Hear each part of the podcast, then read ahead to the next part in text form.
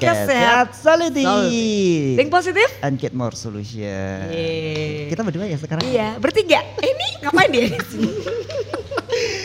Aduh. Ini hostnya biasanya dua nih kenapa tiga? Oh enggak ya? Kita tiga. Oh iya ini ada. Harusnya di tengah tuh biasa narasumber ini. Host atau narasumber? Coba ditanya dulu Mas Bis. eh kita kenalan dulu dong. Kenalan. Oh, iya. Biasanya kita, Pura-pura ya, Kita pura-pura kenalan dulu. Oke. Sobat Muardi eh, di sesi kali ini tentunya sesi yang mungkin agak sedikit sepuki, menakutkan. Bisa dikasih backsound yang Nanti dikasih backsound ada ada subnya gitu. ya, eh, tema hari ini Sobat Muardi adalah ketika jenazah berbicara. Wah? Wih, Emang iso ya? emang bisa. Kalau bulan bisa ngomong katanya. Kalau bulan bisa Nah, ngomong. ini ya? mayat bisa ngomong, aku lari bisa aja. Ya Sobat Muardi eh, banyak banget yang akan kita bahas nih. Eh, pokoknya kita ngulik ini, ini kita ngulang seperti kayak pertama kali kita syuting. ya. Iya, podcast. Nah, ini sobat Muardi kalau belum pernah mendengarkan podcast kita pertama, Ya. kita juga eh, podcast sama yang spooky-spooky Hmm, juga hmm, hmm. gitu. Tentang. Dan itu viewernya lumayan katanya. Oh, iya? Eh kok katanya? Emang iya gitu. Viewernya lumayan. Jadi yang belum nonton eh. nonton episode, Episode podcast pertama kita ya, pertama. Kali ini ada. juga kita akan mengulang kesuksesan itu ya. Oke, Jadi semoga kayaknya- kita sukses kemarin. Iya, kita bisa kalau podcast ngomongin kesehatan, penyakit gitu ya, sama dokter-dokter yang eh, mengobati, menyembuhkan pasien. Nah Hmm. kali ini eh, pasiennya Pasiennya nggak bisa bicara. pasiennya udah ALM gitu ya. Iya. Nah dihadir di tengah-tengah kita ini ya, karena tadi bahas-bahas Ah, ah. jenazah, jadi kita datangkan ahlinya langsung dari kamar mayat. Kita langsung eh, sambut nih eh, Sobat Muardi di tengah-tengah kita tuh sudah ada Dr. Novianto Adi Nugroho Sarjana Hukum Magister Science spesialis FM, Forensik ya? Forensik dan Medical medical Legal. legal. Atau kita keren kenal dengan nama kerennya Dr. Nonot. Dokter Nonot. Biasa Nah, jadi host. wuh banget Nonot. Nah, sekarang naik pangkat katanya jadi narasumber ya. dan juga di sebelahnya ada dokter cantik ini Ya. walaupun dari kamar mayat ya tidak semua dari kamar mayat tuh rambutnya panjang ya kemudian mukanya rata bolong belakangnya enggak ini ini bener-bener cantik, cantik. ya jadi nggak bolong masih Ya. utuh semuanya senyumnya mancung ya ada hidung matanya lengkap ya kita sambut dokter Hera Triwika Nur Agusti Master of Science, spesialis forensik dan medico legal.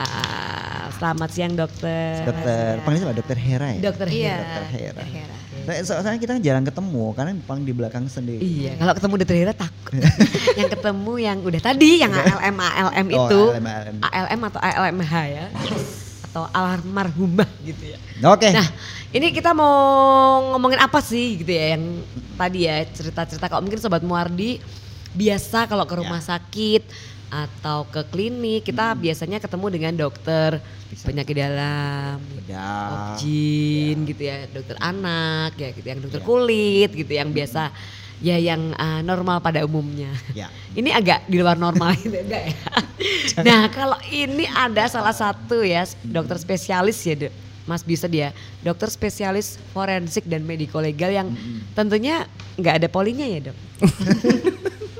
Nanti yang datang gimana? Tapi ada dokternya, Tapi ada nggak ada polinya. Nah ini kita mau tanya-tanya nih dok. Eh, Kira-kira apa sih sebenarnya peran dokter forensik dan medico legal nih dalam layanan kesehatan masyarakat? Iya. Dokter Nonot dulu nih. Baik, ya terima kasih. Ya untuk eh, dokter spesialis forensik ya, terutama dalam layanan kesehatan, eh, mereka adalah pasien-pasien yang tersakiti, sakit ya, tapi tidak hanya sembuh hanya dengan obat gitu ya. Wah dia itu dendam ya, tapi ingin melampiaskan, ingin membalas ya dengan eh, keadilan gitu ya. Wah, jadi kalau misalnya di ada beberapa eh, pasien kita yang hidup terutama ya, oh mohon maaf, jadi untuk dokter forensik itu nggak hanya tentang mayat saja ya, tapi Oh. kebanyakan mayat, tapi juga ada beberapa pasien kita itu yang Zombie? hidup. Oh bukan ya? Oh pasien yang hidup ya? Mas, aku pikir mayat hidup. iya kirain zombie ya. Jadi memang nggak harus Hmm. tadi almarhum tadi Nggak harus, harus jadi ternyata ya. Oh ya. jadi Oke. bisa juga yang masih hidup. Ya. bisa juga yang masih hidup dan itu tersakiti tidak hanya eh, tidak sembuh hanya dengan obat tadi. Hmm. Nah terus gimana maksudnya ya misalnya ditampar oleh tetangganya atau mungkin sama suaminya gitu kan ya. Paling ditampar kan besok sembuh gitu. Tapi sakitnya itu loh ya. Oh. Wah, pengen tak laporin ini. Wah. Nah, laporinnya itu berupa biasanya dengan bekas-bekas eh, kekerasan yang ada pada tubuh korban atau tubuh pasien. Hmm, Oke, jadi bisa melihat ya dok ya, walaupun ditampar itu kan nggak berbekas ya kalau Ya. ditusuk, di ini mungkin ya kalau ditampar tuh tetap ada bekasnya yang bisa dilihat oleh. Oh, tetap ada. Biasanya tetap ada kemerahan ya, kemerahan atau mungkin terus nantinya akan menjadi biru dan seterusnya. Kirain kayak Superman, jadi kacamatanya dicopot tuh bisa melihat. Eh, ya kadang-kadang juga gitu juga. Oh gitu. Berarti eh, peran dari dokter forensik itu sendiri adalah eh, seperti penyambung. Ya, penyambung. Penyambung dari tadi yang pasien-pasien yang tersakiti yang dia tidak bisa melampiaskan itu nanti dalam bentuk apa? Dalam bentuk laporan. Dalam bentuk laporan. Mm-mm. Sebelum bentuk laporan berarti ada pemeriksaan fisiknya dok. Oh ya, jadi memang eh, kita itu men- apa namanya menyambung antara penyidik ya atau biasanya dari kepolisian Mm-mm. eh, yang na- terus nantinya akan naik ke pengadilan. Oke. Nah, nah di situ kan membutuhkan suatu keterangan dari seorang ahli. Nah, Ah, ahli ini ini, ahlinya. ahlinya ini ya, ya kalau di pengadilan itu kan ada ahli. Nah, ahli ini yang mengetahui apakah ini benar-benar luka atau memang mungkin luka yang dibuat-buat, nah kan bisa saya ini Oh, ditentukan gitu. oleh seorang ahli tadi. Oke. Ahlinya ini adalah dokter forensik. Oh. Berarti ini kalau boleh tahu mungkin lebih dalam lagi peran dokter forensik sendiri dalam pengungkapan sebuah kasus ya mungkin ya dok ya atau kriminal tuh gimana nih dokter Hera mungkin bisa menambahkan? perannya ya dari hasil eh, pemeriksaannya itu tadi kemudian eh, di apa diambil kesimpulannya kemudian eh, masuk eh, apakah ini kriminal caranya atau bukan. Em, sebetulnya eh, kasus kriminal itu bukan hanya milik eh, dokter forensik ya. Kita tuh hanya melihat eh, perlukaannya aja eh, jadi dari jenazahnya atau dari pasiennya aja Nah, kriminalitas eh, atau tidak itu ditentukan oleh eh, polisi. Hmm, Jadi, penyidik si- ya dok. Iya, dari penyidiknya. Jadi, tetap harus dilaporkan ke kepolisian eh, baru em, apa namanya? baru bisa disimpulkan bahwa ini adalah kasus eh, kriminal gitu. Oke. Nah ini kita udah masuk nih ya, ini kayak acara buser ya. Tapi itu tadi kan baru baru pasien hidup ya Mer ya, ya dok ya. Baru pasien Hidup hidup, loh. maupun baru hidup dia bisa ya dia bisa melaporkan. Kalau misalnya pasien yang eh, apa namanya jenazah kayak gitu, Nah, itu. gimana? Sesuai judulnya ya. Nah ya makanya. Tadi kan Nah. sebenarnya ketika jenazah berbicara, saya Nah, sedikit itu. nggak bisa bicara. ya. Iya. Ya memang kadang-kadang itu kalau misalnya ada jenazah itu saya ajak bicara dulu. Oh, oh gitu ya. Serius? Curhat. Serius ya kita saya itu bisa bicara dulu sama dengan sama jenazah. Oke. Ya, bisa aja, Bisa tapi aja. jenazahnya nggak bisa ngomong dok. Ya jenazahnya nggak bisa Jawab. jawab. ya mungkin bisa jawab tapi nggak denger ya. Dengar ya. Malamnya tidur. Nah ini kayaknya hari ini kita kan spesial nih mau dengerin cerita dari dokter Nonot sama Sama dokter Dokter Hera Hera. tentang pengalaman-pengalaman beliau selama menjadi dokter forensik dan Forensik. medikolega dan Ya. Muardi itu memang rumah sakit rujukan ya dok? ya. Rujukan untuk Rujukan forensik. untuk forensik. forensik. Jadi sering ya kalau di daerah mungkin Solo Raya dan sekitar Solo terutama ya dok ya. Kalau ada kejadian peristiwa yang Peristiwa kriminal atau kematian yang tidak wajar itu Dikirim. rata-rata dibawanya ke ke Muardi ya dok ya. Nah karena apa dok? Kenapa dibawanya ke Muardi? Iya, karena ya eh, ada beberapa pemeriksaan ya. Salah satunya mungkin yang pertama ada ahlinya di situ ya. Ada dokter forensiknya di Rumah Sakit Dokter Muardi. Yang kedua untuk pemeriksaan-pemeriksaan penunjang-penunjang yang biasanya eh, kan nggak hanya pemeriksaan fisik saja ya. Kemudian ada pemeriksaan penunjang misalnya pemeriksaan darah untuk kasus keracunan, untuk kasus apa namanya itu eh, pemerkosaan mungkin kan kita harus pemeriksaan penunjang dengan swab vagina dan lain sebagainya. Oh. Nah itu bisa dilakukan di Rumah Sakit Dokter Muardi. Oh jadi memang penunjangnya banyak Penunjangnya ya. Penunjang ternyata ya, ada beberapa Ya. penunjang gitu. Oke. Berapa udah berapa banyak sih dok yang Ya, yang ditangani. ditangani dok? Hmm. banyak. Wah ini banyak sekali. Kita bicara angka. Iya, Banyak. banyak. Banyak. Satu hari aja itu kan gitu. dok. Satu hari ada pasti. Tiap hari apa pasti dok? tiap minggu. Tiap minggu Oh, ada. iya, satu minggu, minggu. setiap satu minggunya berapa? Dia Satu berapa kasus? minggunya bisa satu, Satu minggu bisa. bisa juga enam. Enam. ya, Tapi itu pasien yang yang yang bisa. pasien yang eh, apa namanya sudah dalam bentuk yang tidak bernyawa atau enam itu yang tadi yang dilaporkan yang dia eh, menuntut Visum hidup ya, maksudnya visum mas. hidup gitu Oh, pasiennya. itu yang tidak bernyawa. Oh, Oh, enam iya. itu yang tidak bernyawa. Berarti yang kematian tidak wajar. Wah. Iya. Oke, lumayan juga loh ya. Ya. Karena eh, di Solo Raya dok kita ya rujukannya ya dok. Rujukan seluruh raya. Oke, biasanya paling Kares. sering apa dok tadi dok? Kalau dari seminggu kurang lebih sekian atau mungkin setahun bisa ratusan ya berarti? Mm-mm. Ya. Lebih. gitu. Dari angka-angka sekitar angka. segitu lah ya. Itu 100 paling sering bisa. apa dok? Kalau biasanya untuk kasus eh, kalau yang sampai ke ranah apa namanya bedah mayat sampai ke pengadilan memang apa namanya itu pembunuhan ya. Bukan pembunuhan, bukan pembunuhan karakter loh ya. Oke. Ya, jadi pembunuhan. Benuan beneran nih. Bunuh Kalau nyawanya. pembunuhan karakter kan banyak ya. Ya. Penganiayaan. Hari.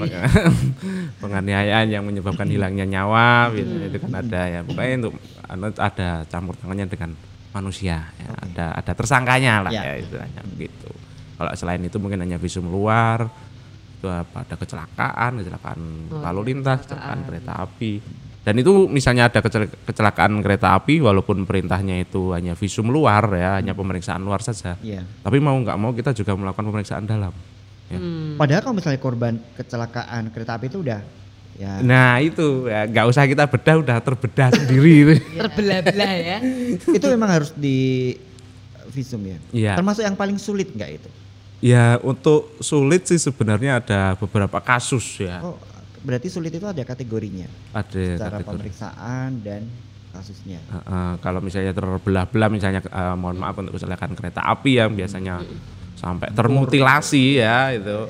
Mutilasi kan berarti kita harus menyatukan kembali ya. Oh iya. Beneran? Eh, eh, ya, jadi jadi kita kembalikan kepada keluarga itu dalam keadaan baik. Ya. Oh. Ya masa terbelah-belah kepalanya, tangannya masa kita kembalikan satu-satu kan nggak mungkin. Masa paket hemat harus tetap paket lengkap. Ya, paket lah. Tapi kan ada juga ya kalau misalnya ada keluarga yang eh, Bu eh, berarti sudah diedukasi dulu dari awal kondisi Ya. seperti ini. Nah, ah, tetap tetap kita edukasi dulu, terus biasanya kita taruh dalam satu peti kafan gitu ya. Nanti kita satukan, walaupun menyatukannya itu tidak secara fisiologis manusia ya, tapi hanya istilahnya. Oh ya. Dijahit. Ah, istilahnya dijahit nggak usah sampai kayak sejawat lain misalnya bedah atau apa itu kan harus sampai anu. tapi kan mungkin hanya kulitnya saja. Kalau korban ke- tadi ya kita ngomong korban. Ya. Ini sekarang kita bicara ini case by case. Ya. Case ya. Jadi yang kita kan beda nih, Iya. spesial ini hari Ha-ha, ini ya. ha-ha. Kalau tadi kecelakaan kereta api dok, bisa diceritakan nggak? Mungkin satu kasus ya yang untuk kecelakaan kereta api yang berkesan atau yang paling sulit, yang paling kapan tuh dok? Terus kejadiannya gimana? Waduh itu ya. Kapannya nggak boleh dibilang. Apanya nggak boleh dibilang, Apanya kasusnya aja. Sekian waktu yang lalu gitu ya. Ya, mungkin dokter Ira mungkin ada. Oh. Ya mungkin eh, saya pernah itu kita ya sampai eh, kebetulan pada waktu itu dari keterangan polisi memang almarhum itu bunuh diri. Ya, mapan ya istilahnya. Ya? Mapan di dalam di atas rel gitu terus eh, kebetulan lehernya itu pas di salah satu rel gitu kan ya. Ya terus akhirnya hilang wah terus waktu polisi menemukan awalnya itu hanya tubuhnya saja ya. Hmm, tanpa Wah kepalanya hilang nah, baru kira-kira dua hari kemudian tuh kepalanya tok yang datang dibawa polisi ya Oh, di- dibawa polisi tuh dok kepalanya ketinggalan Berarti selama kepalanya belum ketemu, jenazahnya badannya dimasukkan Freezer. pendingin dulu ya. Pendingin dulu. Iya kami dulu. biasanya dari ketemu ya? eh, eh, biasanya dari keterangan keluarga kan ya eh, da- dari polisi kan akan meminta suatu eh, apa namanya mengidentifikasi siapa dia Ya. ya dari mungkin sidik jari atau dan lain sebagainya orang sekitar Hmm. terus kemudian dicari keluarganya dan itu ini nggak ada kepalanya pak gimana ya biasanya dari keluarga akan mengendaki dikuburkan dengan tanpa kepala atau eh, menunggu kepalanya sampai ketemu dulu Serem juga. Kita mengulang masa lalu beneran. Makanya. Aduh. Oke, mungkin tadi ini ya apa namanya? Ini baru satu kasus loh. Kecelakaan kereta api Kereta ya. api. Kalau dokter Hira pernah nggak dapat yang kecelakaan lain mungkin dok? Misalnya menerima jenazah kondisi mungkin. Pembunuhan misalnya itu. Wah. Ini atau kecelakaan dulu aja Kecelakaan nih. dulu Ini aja kita ya? biar banyak Oh, oke. serinya nih gitu. ini kecelakaan ini kecelakaan Ini, dulu. ini habis kecelakaan kereta api. Nah, mungkin- Kita dokter Hera mungkin yang berkesan nih Karena sama sering di Muardi Heeh. dapat rujukan. Nah, kira-kira yang mungkin ya tadi ya, yang jenazahnya yang menantang nih Iya. sebagai dokter forensik dalam mengembalikan Oh kecelakaan kerja bisa Nah, Kerja bisa. Kecelakaan lalu lintas banyak juga ya. banyak juga. Ada yang utuh tapi meninggal. Ada yang utuh tapi meninggal. Utuh tapi meninggal. Iya. Tidak ada eh, luka di luarnya. Oh iya. Oh iya. Tapi meninggal. Jadi jenazahnya baik. Utuh. Eh, Baik sekali. benturan mungkin dok? Ya benturan Ah. pastinya. Cuman em, untuk pastinya sebab kematiannya tetap harus diotopsi ya. Tapi itu kan eh, kalau kasus ini kan tidak dilakukan eh, pembedahan. Iya. Jadi Hmm. kita juga tidak tahu meninggalnya karena apa. Tetapi itu jenazahnya yang datang utuh. Bener-bener bagus itu ya. Bagus sekali. Hmm, nggak ada lecet, nggak ada ya, apa gitu ya dok? sampai ya? heran ini beneran kecelakaan atau bukan? mungkin eh, CKB Ya, Ya, bisa jadi ya. bisa jadi eh, Hmm. kepalanya yang kena, Kena. benturannya, cuman tidak tampak dari luar. Hmm. Oh, Kalau itu keluarga tergantung keluarga menghendaki di otopsi atau tidak ya dok ya? Iya. mm. Tapi karena keluarga tidak menghendaki jadi memang tidak sehingga mungkin kalau gitu kesimpulan kemen- meninggalnya karena apa dok? Tidak boleh disimpulkan. boleh. Oh, Iya. tidak boleh ah, ah, disimpulkan. karena kita ada melakukan pemeriksaan dalam, Oh, oke. Oh. Kan jadi tidak, tidak, ada. diotopsi, Oke, oke, jadi nggak bisa. nggak bisa disimpulkan ya. Berarti sudah ada ketentuan eh, apa namanya sudah ada kesepakatan dari pihak keluarganya gitu. Oke. Oke. Nah ini nih, Wi. di Dius, nih puncaknya ya ini kita mau korek-korek mau biarkan mereka bercerita. Iya, bagi Ini, mereka Dok. bercerita. Kan sering nih dok, ini yang seru ini sebenarnya kalau kita sering nonton Bond, sering nonton ah. ya dok serial-serial di TV. Apa sih Bon? James Apa Bond. ya? Oh James Bond. Enggak serial yang jadi mengungkapkan ya kayak drama. kematian dari enggak. Jadi dokter-dokter itu akan meneliti gitu kan Hmm. eh, dari jenazahnya ini kenapa akhirnya ketemu nih penyebab kematiannya apa gitu. Nah ini yang yang plot twist plot twist kayak yang kemarin mungkin setahun lalu vi- viral ya. Apa ya? Jadi meninggal gitu karena Ya. katanya karena ini gitu tapi ternyata wah setelah keluarganya melihat gitu ya. Loh karena ini tapi kok begini kok ini mengeluarkan darah kok ini pakai ya. darah, Curiga, ya, akhirnya akhirnya curiga betul. diperiksa ulang ya oleh dokter Oke. meskipun sudah dikubur nah meskipun sudah dikubur itu bisa kita bongkar lagi ya dok Bisa kita. untuk jadi kok keluarganya curiga atau mungkin ya Ya. eh, dari pihak kepolisian atau aparat penegak hukum menging- menginginkan untuk diperiksa ulang ya dok ya itu bisa dibongkar makamnya dan diperiksa lagi dan ternyata kalau yang sempat viral itu kan wah ketemu ternyata tidak seperti Tidak hasil yang seperti pertama yang- ya, gitu kan nah, nah ini kita mau nanya-nanya ke beliau-beliau ini kira-kira pernah nggak sih dok dapat kasus gitu wah awal mulanya nih dilaporkan misalnya bunuh diri Ya. setelah diotopsi oh ternyata, Ternyata, dibunuh oleh ah. suaminya sendiri. Ya. Sinetron. Nah kita mau dengarkan nih. Jadi Ya. nama disamarkan ya, keterang tempat tanggal juga disamarkan, tapi kita mau dengerin Ya. Eh, Ya. kronologinya. Ya, Seperti jadi sih, ya, pernah prosesnya? ada itu eh, kecelakaan ya. Ya, ya, awalnya itu kecelakaan ya. Kecelakaan ditemukan bersama motornya ya, dianggap sebagai kecelakaan tunggal. Oke. Ya, eh, sebelumnya saya meluruskan dulu dari Mbak Mary tadi. Jadi mungkin untuk permintaan otopsi itu harus dari penyidik. Oh, Oh, harus dari penyidik ya. Harus Keluarga tidak bisa ya. Ah. Keluarga? Keluarga lewat penyidik. Ah, keluarga lewat penyidik Oke. melaporkan dan misalnya keluarga tidak setuju untuk diotopsi, kalau penyidik harus melakukan otopsi, harus melakukan penyidikan, Harus. tetap harus Tetap dilakukan. harus. Tetap oh. berarti memang kekuat ininya di Nah, dari- penyidik, di penyidik, ya. ya. Dari. Ya, nanti kalau misalnya kayak tadi yang bunuh keluarganya sendiri ya, Hmm. gak usah diotopsi aja ya, nanti keluarganya selamat nanti. Oh Nah, iya, aja ya. Iya. Kan ya udah dibunuh ya selamat ya. Tidak semudah itu Ferguson. Makanya Nah, pernah ada juga ada kasus ya seperti itu tadi ke- ditemukan di jalan eh, apa namanya kecelakaan lalu lintas ya beserta motornya. Udah dikubur ya, udah dikubur. Terus akhirnya eh, selang tiga hari itu ada yang mengaku ya. Mengaku membunuh Loh, loh, loh. mengaku membunuh. Wah, Ah, datang Malah dia datang sendiri. datang sendiri Dia kepada. Mungkin dia tiga hari mimpi. Nah, biasanya gitu ya. Biasanya gitu. Biasanya kayak suatu apa ya keadaan tidak jenak Tidak mungkin ya jenak, tidak tidak jenak, nyaman tidak ya. nyaman apa piye gitu. Oke.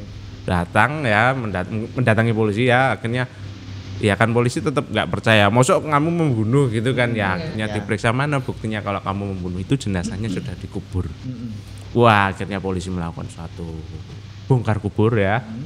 Bongkar kubur ya. Saya ikut bongkar kubur juga itu pada waktu itu saya bawa pacul ya. Hah, serius? Enggak, enggak, enggak. Alih profesi. Dedikasi tingkat tinggi ini. Bongkar kubur, gali sumur juga bisa mungkin. ya.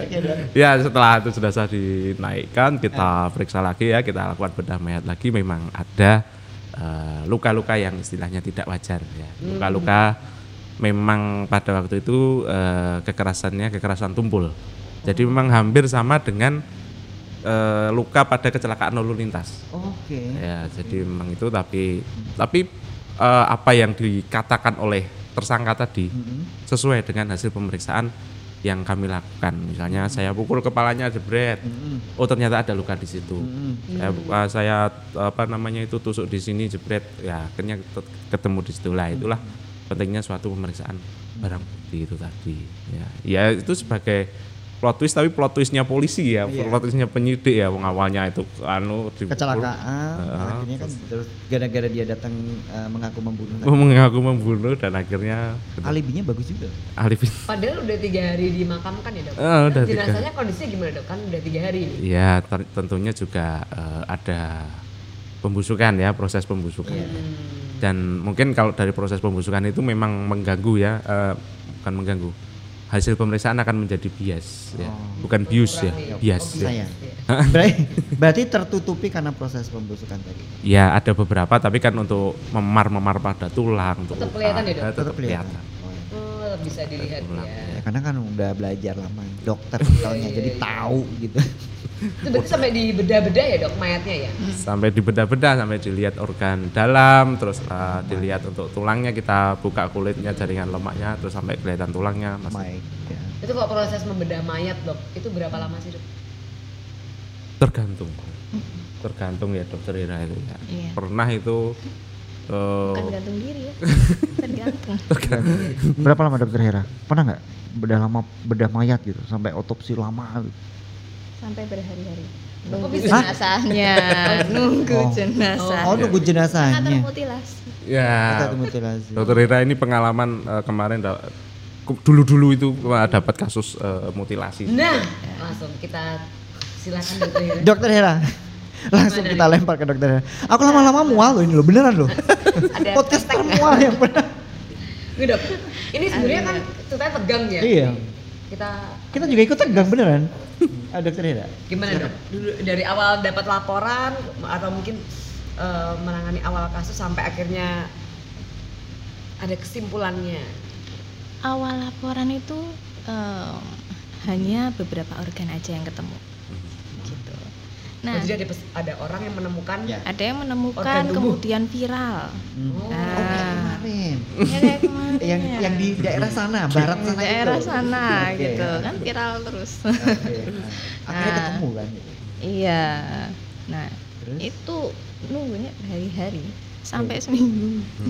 Sampai itu nunggu Nunggu terkumpulnya organ. terkumpulnya organ yang besar-besar, Hmm. kalau yang kecil-kecil kan ada yang potongan kecil itu nggak ketemu lagi udah. Hmm. Jadi nunggu yang besar-besar dijadiin satu. Hah? Nah, itu nunggu. Dijadiin satu dulu. Itu Iya besar-besar apa aja dok? dong. Tangan, kaki, kepala? Yang awalnya cuman kaki awalnya. Awalnya kaki. Awalnya kaki kanan sama badan. Terus nyusul tuh eh, sehari kemudian kepala. Hmm. Terus hari kemudian panggul. Terus ya tangan. Nah, itu tuh sampai seminggu. tuh. Tapi itu udah pasti dari orang yang sama ya dok? Nah, itu untuk keputusan orang yang sama, karena lokasinya ketemunya juga beda-beda, itu dengan pemeriksaan DNA. Oh, Oke. Gitu. Dilakukan di mana dok? Muardi bisa? Nggak bisa. Oh nggak bisa. bisa ya. Itu Jadi harus dirujuk dikirim. di laboratorium forensiknya Oh. polisi. Oh iya. Oh. Mm-mm, Polisi punya di Semarang Oh di Semarang. Mm. Oh di Semarang. Besok kita Akhirnya usulkan yang kan. tadi ketemu-ketemu itu satu berdasarkan hasil Satu. DNA satu orang ya. satu orang aja Untungnya hanya satu orang. Untungnya Iya, ya. untuk satu orang Itu ya dengan apa itu dok mutilasinya? Mutilasi ya. Senjata Mutilasi. tajam, gergaji listrik atau? Ya. Apa itu dok? Makin detail gue makin mual. wah nggak boleh nih Oh nggak boleh. ya gimana ya pokoknya senjata tajam aja gitu. Senjata tajam ya. Iya. itu disatukan kembali, kemudian Hmm, benar-benar dikembalikan ke keluarga dalam Keadaan. eh, ya seadanya dalam keadaan seadanya Hmm. tidak utuh Tapi sebenarnya gini loh, tulang manusia itu keras sekali ya. Bisa kepotong kayak gitu. Oh. Usaha begitu. Oh, Dengan usaha. Adi makanya. dengan usaha betul juga ada gerga. Terus ada lagi nggak dok kisah-kisah plot twist tadi dok? Misalnya Hmm. Jadi istilahnya suatu suatu kasus kriminal itu atau tadi pembunuhan tadi terungkap karena peran dokter forensik gitu. Oh. Ya pernah juga itu Jadi saya apa, Dok? pernah ya kayak yang diceritakan dokter Hera tadi jadi jenazah itu memang ditemukan dalam keadaan tidak wajar ya. Ini beda lagi tapi ya. Beda lagi, beda lagi ditemukan tidak wajar di suatu rumah gitu kan ya. Dan nggak ada luka juga dari apa dari depan itu nggak ada luka. Dan ternyata setelah kami lakukan pemeriksaan dari awalnya penyidik memang dok periksa luar dulu. gitu. Hmm. periksa luar dulu eh, dari surat perintahnya dari penyidik itu juga melakukan pemeriksaan luar. Iya. Ternyata waktu, waktu kami melakukan pemeriksaan ternyata eh, lehernya patah. Oh. Nah ini eh, salah satu yang mungkin sedikit apa ya profesional mungkin ya pembunuhnya dengan mungkin mic. Gitu ya.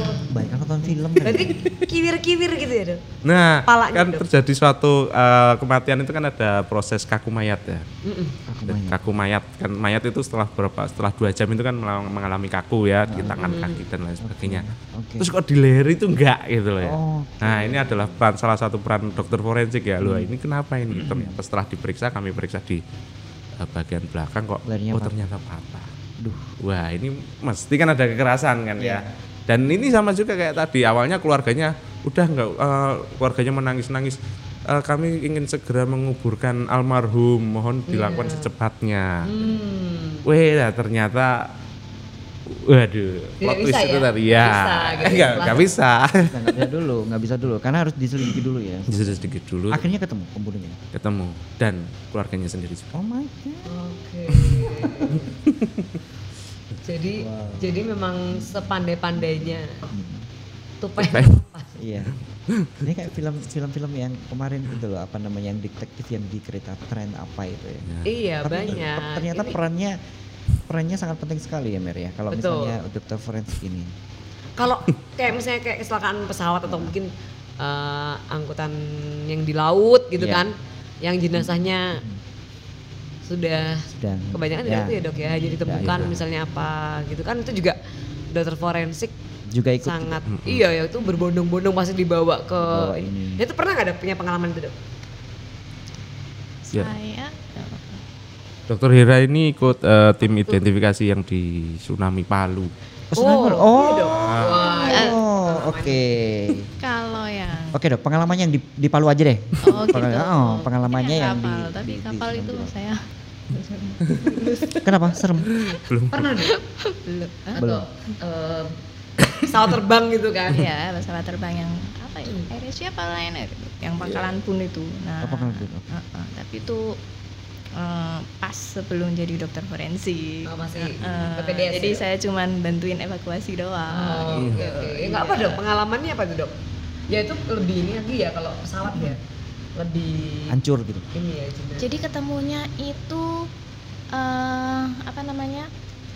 Dalam satu jadi satu dengan kursinya. Hmm. Udah dalam membusuk kondisinya, udah membesar gitu. Dua-duanya Iya mengembang. Ya. mengembang begitu Mm-mm. dan warnanya pucat Mm-mm. gitu. Terus uh, beberapa bagiannya udah dimakan ikan. Hah? Iya, udah dimakan Itu wajah ikan. mas- wajah masih bisa dikenali atau kalau rata-rata udah membusuk tuh hampir sama semua gitu. Hampir sama semua. Itu laki-laki atau perempuan eh, agak susah itu kalau nggak dilihat, Nggak dilihat dengan dari seksama gitu. Sama ya. dari Iya. ya. Karena sudah membesar itu tadi. Berarti misalnya bius gitu udah gak kelihatan ya Thank walaupun you. Enggak ini beneran kan belum pernah lihat ya gitu. Jadi make sure gitu loh. Bi. Maksudnya se, se- se- dibutuhkan itu gitu loh dokter karena kalau misalnya muka dikenal kan itu kan misalnya eh, paspor atau apa ada kok foto Ada. kan oh ini oh si ini nih gitu kelihatan nah kalau ini musik masih ngantongin dompet kan gitu. misalnya atau kan waktu tiket kan bisa diselidiki Iya. nicknya sekian oh fotonya ternyata emang udah nggak bisa ya kalau jenazah udah di Udah masuk berubah. air gitu udah bener-bener tidak dikenal ya dok. Ya. Maksudnya harus bener-bener membutuhkan cek giginya. Ya. kan? Ya kan salah eh, kalau misalnya apa ya eh, dalam kor- jumlah korban yang banyak ya kita kan masuknya operasi DVI itu ya disaster victim identification. Nah, itu kita eh, hampir tidak menyelidiki tentang penyebab kematiannya lagi. Tapi kita lebih fokus kepada suatu identifikasi. Identifikasi. Siapa sih ini yang mati gitu kan ya. Nah, itu salah satunya adalah dengan cara tadi apa identifikasi primer. Jadi mungkin dari tim apa ya tim apa tim SAR ya yang menyelam itu yang misalnya ada pesawat jatuh ke laut itu ya satu kantong jenazah itu mungkin nggak hanya satu jenazah ya tapi beberapa banyak, jenazah ya. ya, Karena udah itu- terpotong-potong ah, ya ya. potongan-potongan itu dan yang kita lakukan pertama adalah eh, ada berapa individu itu ya. Ini misalnya ada tangannya, oh ini tangannya kasih sini dulu. Oke. Terus ada lagi kantong jenazah datang lagi. Terus kita eh, eh ini kayaknya tangannya sana ya. kita eh, jadikan satu dulu eh, cocok-cocokan. Cocok main puzzle ya. Kayak main puzzle ya. Ini main puzzle tubuh manusia, men. Iya. Kalau itu maaf udah mengeluarkan aroma atau kalau di dari laut tuh Iya. kan laut ada air garam gitu. Air garamnya. Air garam itu kan mengawetkan. Nah itu Teri. semengawetkan apa gitu. Ya. Biasanya Teri. gimana Dok? kalau dulu pengalaman yang di sun apa eh, Di yang Palu ya? Oh, Oh, bukan yang bukan. mana pangkalan bun Oh, pangkalan bun ya. Itu baunya udah tengi. Oh iya bau ya. iya, udah itu nggak hilang. Cuci juga. Oh, Baju aja dicuci dia, wah masih mau bau. Pantesan ini loh langsing. Kok habis itu nggak doyan makan ya seminggu? Makanya itu kalau kalau kita mah udah nggak doyan makan nggak doyan sama sekali. Bisa Tapi tidur memang- ya? Tapi memang ini ya memang kalau misalnya eh, apa namanya sudah terkena kayak gitu sudah terkontaminasi cairan dan ini memang baunya emang Ah iya. susah banget ya. Mm-mm. Memang beda ya antara air laut Manusia. sama Oh oke. air tawar. Air tawar. Oh, Terus beda gimana, busuknya Dok? di atas baunya beda. Oh, gitu baunya beda. Nah, Ah, bisa mengenali berarti. beda. Oh Iya, bau, iya. bau. Ini dilatih untuk itu ya. ini air Oh ini laut. Ini Oh ini tawar. Payau. Oke dokter Nonat nih sama dokter Hera nih. Tadi kan kita eh, apa namanya di awal kan judul kita tuh ketika jenazah berbicara, berbicara. Mungkin berbicaranya kan eh, dari hasilnya seperti itu seperti mengungkap oh bahwa ini loh saya tersakiti ternyata diungkap sudah ini. Nah berbicara langsung atau pengalaman mistis pernah nggak? Ada nggak sih dok? Iya. Misalnya petunjuknya justru Iya. dari oh, oh. Tiba-tiba mimpi nih ya. Oh. Tiba-tiba oh belum ini dok, saya yang eh, tadi pagi ditemukan dok. Yang coba adalah coba cek dia. ini saya. Iya. Tadi cek leher saya, saya tidak mati baik-baik saja. Saya ternyata dipatahkan. Iya. Pernah nggak sih dok ada atau waktu waktu lagi ini otopsi gitu kan? Otopsi kan berjam-jam gitu dok ya. Iya. Tapi nggak sendiri juga sih otopsi Iya. ada. Enggak ada banyak. Atau ketika otopsi mungkin pernah nggak sih? Enggak dokter Hira dulu ini kayaknya. Banyak. Wah. Oh iya enggak sih. Kalau saya bingung. Bingung. Ini ini eh, hasil mimpi ya, Iya. misalkan mimpi aja. Nah, ini hasilnya eh, orang mati. Eh, cara bicaranya orang mati. Atau habis eh, apa namanya? kebawa film nih. bingung saya tuh. Oh, gitu. iya. Oh, gitu. Karena kan ya kalau film kan detektif detektifan. Nah, itu kan Nah, juga oke. sama jadi Iya. kebawa mimpi Tapi gitu pernah kan. berarti dok? Hah? Pernah.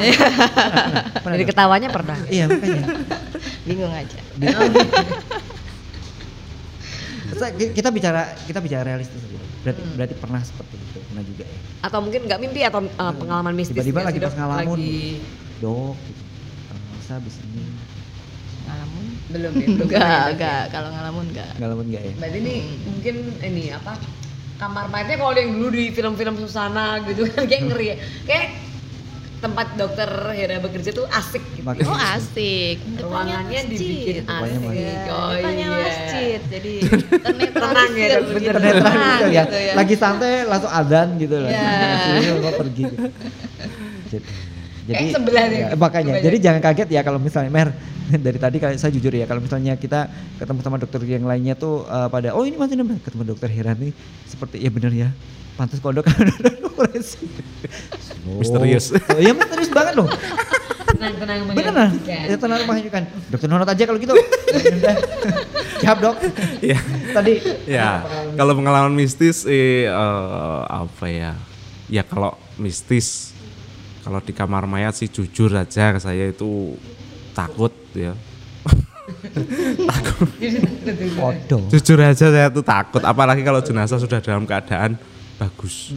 Eh, ya, kalau Islam itu sudah apa misalnya sudah di kalfan itu kalau ya yang mungkin kalau yang Kristen Nasrani sudah pakai jas, jas gitu itu ya dalam bedi itu malah saya aduh Sempat kaki juga. Iya, iya. Aduh, gue takut ini ya. Oh, iya. Ya, tapi kalau untuk eh, pengalaman mis, bukan pengalaman mistis sih, cuman itu ada suatu kayak petunjuk ya, petunjuk, Oke, oke. petunjuk walaupun itu bukan dari mayatnya, tapi itu waktu saya eh, besoknya paginya otopsi itu saya malamnya itu sempat eh, ini ada kasus Hmm. nanti itu tolong di nanti bisa dipastikan yang diperiksa di sini di sini di sini gitu. Oh gitu. Heeh, jadi eh, itu ya bukan so- kayak apa ya salah satu petunjuk gitu loh ya, Iya, yang betul. bukan bukan petunjuk bukan dari mayatnya itu tapi Iya, tapi apa ya sholat heeh, gitu heeh, enggak, ma- mimpi mimpi Mimpi? Oh, iya. Oh. mimpinya itu nan- nanti not nanti pak eh, besok pagi na- kamu otopsi lu tolong diperiksa yang di sini di sini di sini gitu. Oh. dan itu awalnya saya nggak sadar kalau itu suatu petunjuk ya terus akhirnya paginya bener saya ditelepon dan melakukan suatu pemeriksaan. Loh kok kayak dejavu ya ini ya? Dejavu. Ah, oh bener ini berarti yang jadi ya, ah, waktu setelah mimpi bangun tidur nggak kerasa tapi kok oh ini yang ya memang bener. Ah, alhamdulillah pada waktu itu memang suatu petunjuk ya walaupun itu nggak tahu dari siapa tapi memang harus diperiksa di Wih. Terus ini juga mungkin sobat Muardi, eh, beliau-beliau ini bekerjanya nggak cuman di kamar jenazah atau mungkin di ini ya dok. ya? Namanya ruang apa sih dok? Kalau misalnya otopsi gitu? Ruang otopsi. otopsi. Ruang otopsi ya. ruang otopsi. Tapi juga mereka sering berada di ruang pengadilan. Beliau-beliau ini sering diundang khusus sebagai saksi ahli. Nah, kan beda nih ya kita kerja di rumah sakit sendiri. Mungkin tadi ya dokter Hera mungkin waktu otopsi mayat sih sambil setel musik gitu ya dok ya, setel musik. Wah sambil asik lah gitu ya, nggak kayak yang kita bayangin spooky spooky. Nah tapi tuh, nah di ruang ini ini mungkin spooky-nya beda ya. Di ruang pengadilan. Iya. Ya mungkin di situ sudah ada Ada, apa ada namanya? hakim, ada Hakim. saksi, ada yang penuntut, pelaku. ada Ah, pelakunya nih. Jadi dokter kan bayangin nih jenazahnya mungkin tadi yang dimutilasi, yang diapa-apain terus nah ini nih pelakunya gitu ya. Kemudian dokter di tengah-tengah persidangan memberikan kesaksian. Nah, mungkin bisa diceritakan kesannya atau pernah ada yang berkesan menarik dokter Hera mungkin? Yang pasti Atau tegang atau gimana, tegang Rasanya, ya rasanya. Karena di situ duduk sendirian di hadapan semua orang menghadap ke kita semua gitu kan. Tegang. Diliatin terus kemudian ditanyain terus eh, dibolak-balikin pertanyaannya kan ya. Kalau nggak fokus sekali ya. Beda hasilnya ya. hasilnya beda ya. hasilnya gitu. Mules. Eh, Berapa lama dok biasanya dok? Nah itu Pernah terlama berapa terlama sidang gitu? Terlama ya eh, setengah jam. eh sejam kemarin itu Satu jam. ya. Iya. Satu jam Ya. tuh hanya dokter sejam gitu. mendengarkan keterangan dari dokter Hera aja ya, Iya sih. bukan keseluruhan Iya. sidangnya kan hanya Itu mendengarkan. karena dibolak-balikan.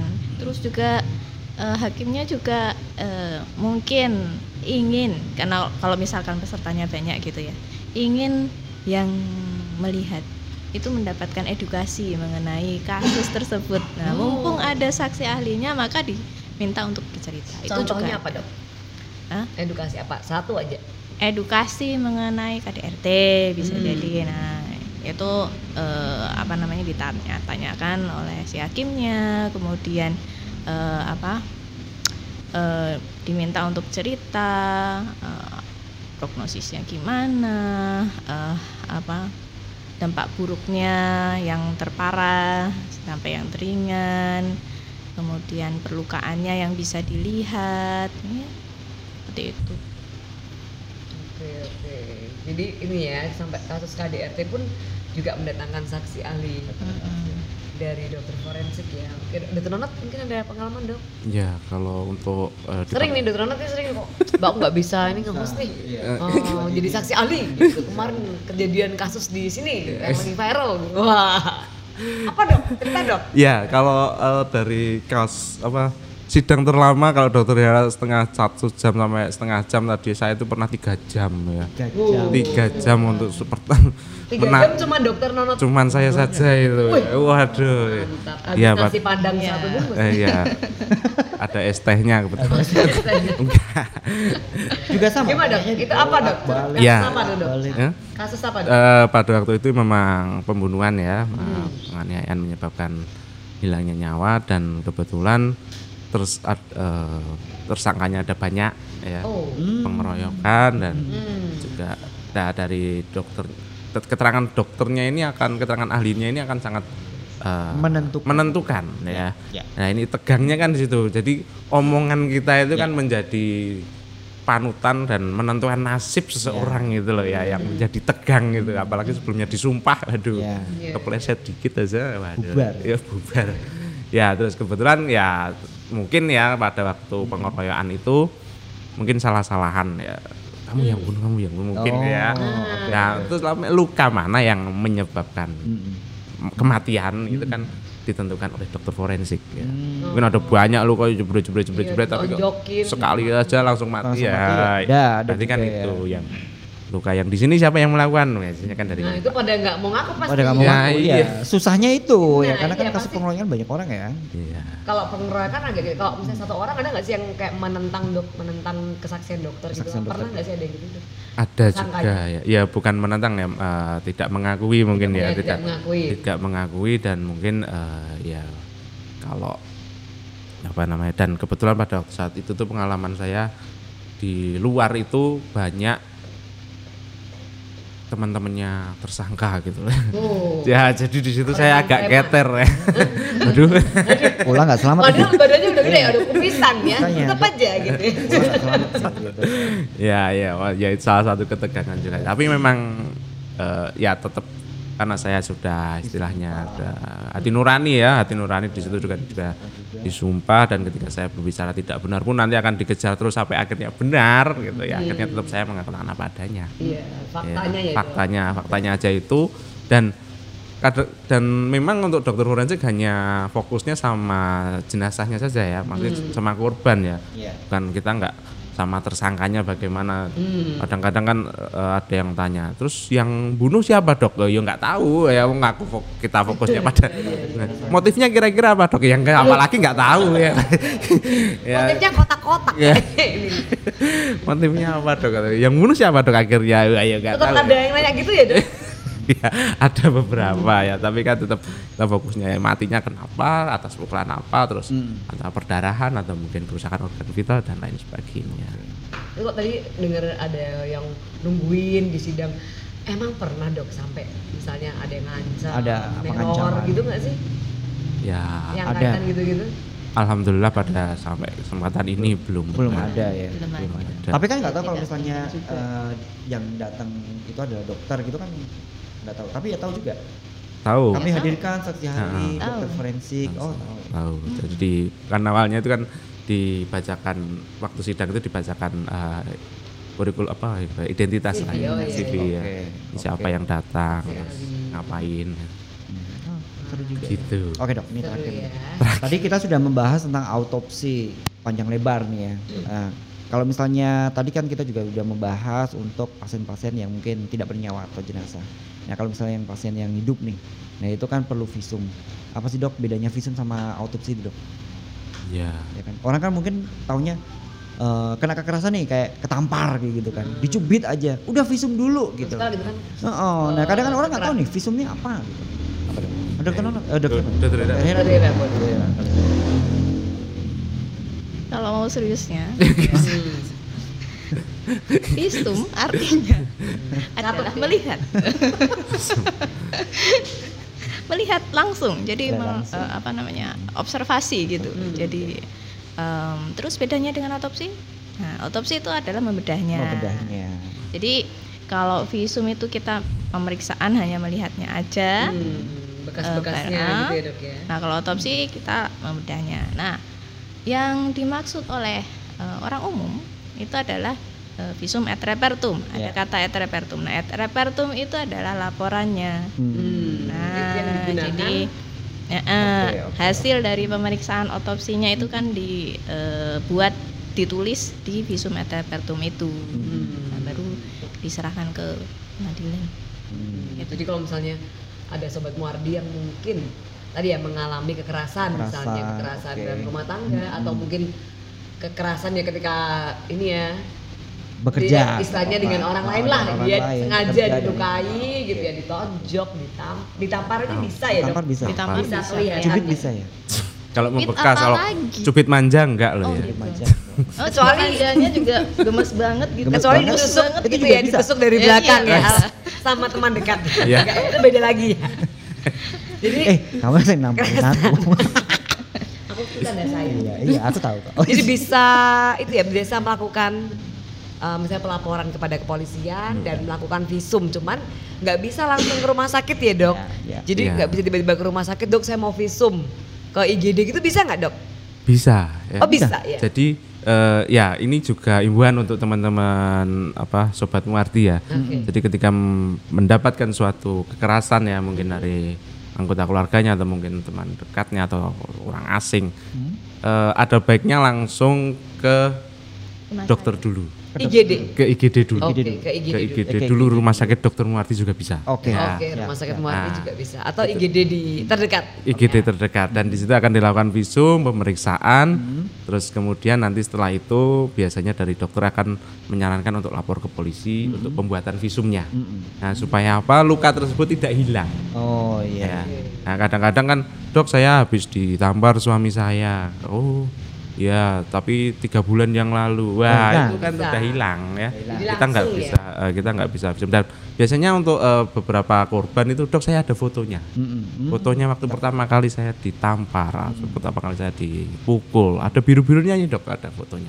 Udah udah menjadi itu udah menjadi eh, apa namanya dasar untuk ke sini. Nah itu nggak bisa kita visum, Oh nggak bisa di. Oh, nggak bisa visum kalau dari fotonya mereka, fotonya korban. Kan foto itu kan sangat eh, subjektif ya, Iya bisa dibikin. bisa diedit, nggak tahu itu foto ambil dari mana. Oh, Nah, oke oke oke. Yang berarti memang harus benar-benar Benar-benar dilihat Yang- langsung. pada saat itu.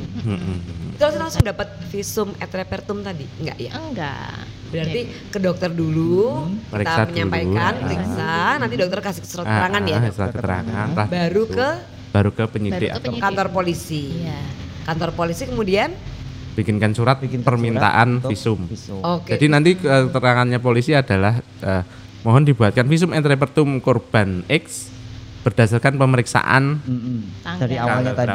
Oh. Oke. Terus baru nanti pasiennya datang lagi ke eh, biasanya penyidik hanya penyidik yang datang Hanya untuk, penyidik yang datang ambil untuk ambil hasilnya Oh ya. gitu. Jadi Keluarga kita nggak perlu ini lagi. Mm-mm. Kita nggak perlu datang lagi ke rumah Kita itu sama sakit. korban. Korban Mbak ya, Mbak korban. Oh, oh, oh, enggak, saya korban kasih sayang. Korban Jadi HP. nanti pasien tinggal setelah dari IGD kemudian ke polisian. Ya. Nanti dari kepolisiannya akan meminta visum et repertum ke rumah sakit ya. Ya. Ya. Misalnya mau dilanjutkan ke tadi ya dok ya. Ya. Nggak terima nih mau lapor. Mm. Mau di istilahnya dibawa ke jalur hukum Nah. gitu ya, Ya. dok ya. Yes. Atau tadi juga jenazah ya dok ya kalau kita curiga Mm-mm. misalnya ini jenazahnya keluarga saya kok tidak wajar gitu Nah, ya dok. ah. Itu berarti gimana kalau udah berupa jenazah tetap ke rumah sakit dulu?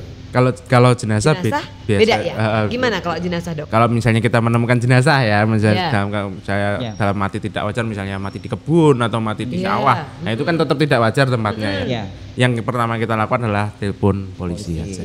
Oh polisi langsung Nah, ya. Telepon polisi dulu, biasanya kan di situ polisi. Dan kesalahannya biasanya adalah masyarakat atau orang-orang sekitar itu sudah merusak TKP.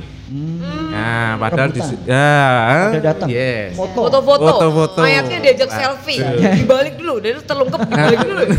Aduh, jangan melakukannya ya, sobat Nah, merusak TKP lah, polisi kan akan eh, kesulitan, Kesulitan, untuk pemeriksaan olah TKP-nya. Iya, jadi kalau menemukan jenazah yang meninggal baik itu kecelakaan mungkin ya. Mm-mm, kecelakaan kan berarti kan Kecelakaan tidak wajar jalan juga pun ya. juga ya. Mm. Harus jangan polisi. mengubah posisi, jangan ini ya, dok. Jangan ya. merusak Kalau bisa TKP, mengamankan TKP ya. sampai polisi datang. Polisi datang. datang. polisi datang. Wah ini dapat ilmu baru ya. Nah. Agak ini tapi ya. Agak spooky. Agak spooky dari depan. Dari tadi tuh kita ngomongnya tuh eh, kalau dokter Hira ngomong itu kayak spooky loh, diem.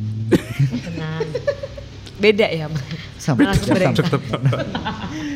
Oke, berarti eh, sobat Muhardi eh, itu tadi ya kita udah eh, mengungkap banyak banget sebenarnya eh, materi kita itu kan ketika jenazah berbicara dan inilah ya Mer ya berbicaranya itu dalam bentuk lain. Jadi mengungkap eh, keadilan melalui dari dokter forensik dengan pemeriksaan yang lain tentunya eh, ini menjadi suatu jawaban eh, dari hasil bicaranya jenazah tadi itu. Iya, yang Apakah tidak bisa itu- dilihat oleh Yes. kasat mata atau Ya. oleh orang biasa ini Ya. beliau-beliau ini ahlinya bisa melihat sampai ke dalam Ke dalam, dalam tulang karena emang dibedah ya jadi bisa melihat sampai ke ke dalam tulang-tulangnya. dalam ya.